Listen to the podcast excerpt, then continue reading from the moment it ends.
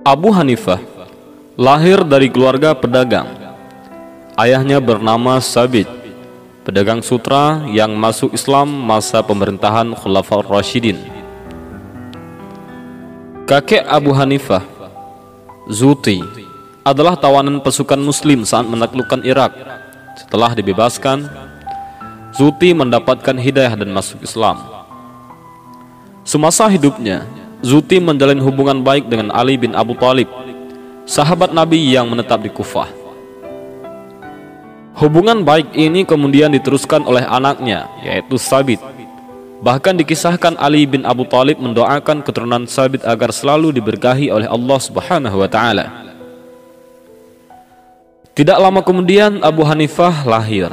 Beliau tumbuh seperti halnya anak kecil pada umumnya saat itu. Sejak kecil, beliau sudah hafal Al-Quran dan menghabiskan waktunya untuk terus-menerus mengulangi hafalan agar tidak lupa. Pada bulan Ramadan, Abu Hanifah bisa menghatam Al-Quran berkali-kali berkat hafalannya. Abu Hanifah awalnya tidak terlalu serius belajar agama. Belajar agama hanyalah sambilan, bukan tujuan utama beliau. Sebahagian besar waktunya dihabiskan untuk berdagang di pasar. Maklumlah, beliau memang keturunan pedagang. Keseriusan belajar agama timbul setelah bertemu Ash-Sha'bi, seorang ulama besar saat itu. Ash-Sha'bi menyarankan agar Abu Hanifah memperdalam ilmu agama dan mengikuti halakah ataupun pengajian para ulama. Kamu wajib memperdalam ilmu, dan mengikuti halakah para ulama karena kamu cerdas dan memiliki potensi yang sangat tinggi. Tutur Asyabi.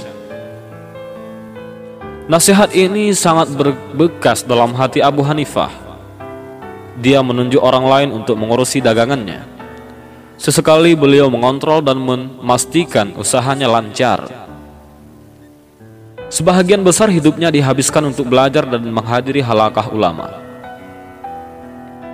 Salah satu halakah yang sering dihadiri Abu Hanifah adalah halakah Hamad bin Abu Sulaiman. Beliau adalah guru yang sangat berpengaruh dalam kehidupan Abu Hanifah. Beliau belajar selama 18 tahun kepada Hamad. Andaikan beliau tidak wafat tahun 120 Hijriah, tentu Abu Hanifah masih terus belajar kepadanya. Setelah Hamad meninggal, Abu Hanifah diminta mengisi halakah keagamaan di Kufah. Sebelum Islam datang, di Irak tradisi keilmuan sudah berkembang dan peradabannya sudah mapan. Ada banyak sekolah dan tempat diskusi.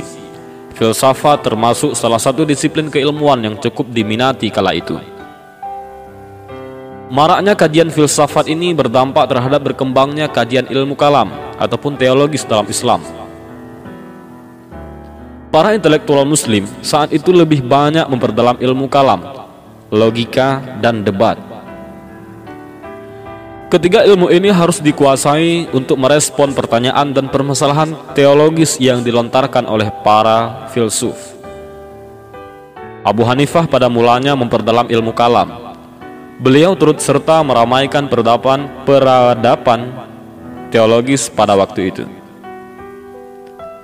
Kitab Fiqhul Akbar menjadi bukti kepiawaian Abu Hanifah dalam ilmu kalam. Hingga akhirnya beliau menyadari bahwa ilmu ini tidak ada manfaatnya dan tidak berdampak terhadap generasi berikutnya. Dalam pandangan beliau, ilmu fikih adalah ilmu yang paling bermanfaat dan sangat berguna bagi masyarakat. Sejak saat itu, Abu Hanifah mulai memperdalam ilmu fikih dan belajar langsung kepada ulama yang ahli di bidang fikih di Irak. Abu Hanifah termasuk ulama yang terbuka. Beliau mau belajar dengan siapa pun. Sejarah menunjukkan bahwa beliau pernah belajar dengan tokoh Mu'tazilah dan Syiah. Meskipun demikian, Abu Hanifah tidak fanatik dengan pemikiran gurunya. Sekalipun pernah belajar dengan pembesar Syiah. Abu Hanifah tidak pernah mencaci maki dan menjelekkan sahabat Nabi. Sa'id bin Abu Arurah mengatakan, saya pernah menghadiri kajian Abu Hanifah dan dia memuji Utsman bin Affan. Saya tidak pernah sebelumnya mendengar orang memuji Utsman di Kufah. Keterbukaan Abu Hanifah terhadap pelbagai berbagai macam aliran ini tidak terlepas dari pengaruh kondisi sosial keagamaan yang mengintari kehidupannya. Beliau hidup di tengah masyarakat yang plural dan beragam. Di sana tumbuh berbagai macam aliran keagamaan dan keilmuan. Ada Syiah, Mu'tazilah dan Khawarij. Karena sudah terbiasa hidup dengan kelompok yang berbeda, Abu Hanifah selalu berpesan kepada murid-muridnya agar selalu menjaga adab dan tutur kata ketika berhadapan dengan masyarakat, terutama orang yang berilmu. Pesan ini selalu disampaikan agar masyarakat bisa dekat dan tidak resah dengan pendapat yang disampaikannya. Abu Hanifah mengatakan, "Kalau kalian berada di tengah masyarakat dan dihadapkan sebuah permasalahan, jawablah sesuai dengan pemahaman yang berkembang di masyarakat." Setelah itu baru kemukakan pendapat pribadimu beserta argumentasinya. Mengetahui aliran dan mazhab yang berkembang dalam sebuah masyarakat sangatlah penting. Supaya bijak dalam berpendapat, jangan sampai memaksakan pendapat pribadi terhadap masyarakat yang juga memiliki pandangan keagamaan tersendiri. Misalnya, kalau berada di tengah masyarakat mayoritas mazhab Syafi'i, jangan paksakan berpendapat mazhab Hanafi, begitupun sebaliknya. Abu Hanifah termasuk salah satu ulama yang tidak mau menerima bantuan pemerintah. Seluruh biaya hidupnya ditanggung sendiri dan diperoleh dari hasil usaha dagangnya. Hal inilah yang membedakan Abu Hanifah dengan Malik bin Anas, pendiri mazhab Imam Maliki, di mana biaya hidup ditanggung seluruhnya ataupun sebahagiannya oleh Baitul Mal. Abu Hanifah pernah hidup dalam dua kekuasaan dinasti Islam terbesar, Muawiyah dan Abbasiyah. Beliau memiliki pengalaman hidup di bawah kekuasaan Umayyah selama lima tahun dan 18 dan 18 tahun dengan Abbasiyah.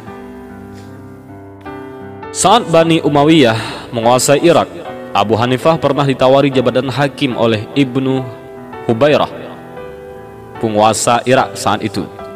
Tetapi Abu Hanifah menolak. Beliau tidak mau menjadi hakim pemerintahan Umayyah.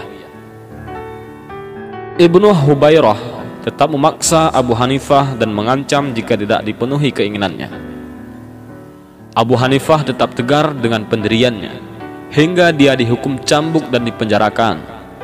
Saking kuatnya penderitaan Abu Hanifah, bekas cambukan itu tidak membuat hatinya luntur dan sedih. Malahan, tukang cambuknya letih sendiri dan merasa kasihan dengan kondisi Abu Hanifah. Tidak lama setelah itu, Abu Hanifah pun dibebaskan. Setelah dinasti Umayyah digantikan Abbasiyah, penguasa Abbasiyah menawarkan jabatan serupa kepada Abu Hanifah.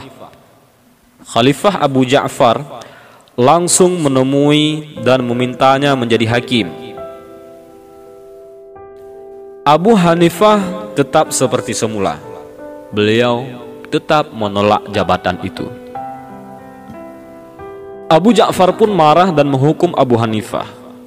Beliau dipenjara dan dicambuk berkali-kali. Ada yang mengatakan Abu Hanifah dicambuk 10 kali setiap harinya. Kondisi Abu Hanifah semakin lama menyedihkan. Beliau dikeluarkan dari penjara dan dilarang mengajar dan berfatwa. Tidak lama setelah dikeluarkan dari penjara, Abu Hanifah dipanggil sang pencipta dan Abu Hanifah meninggal pada tahun 150 Hijriah.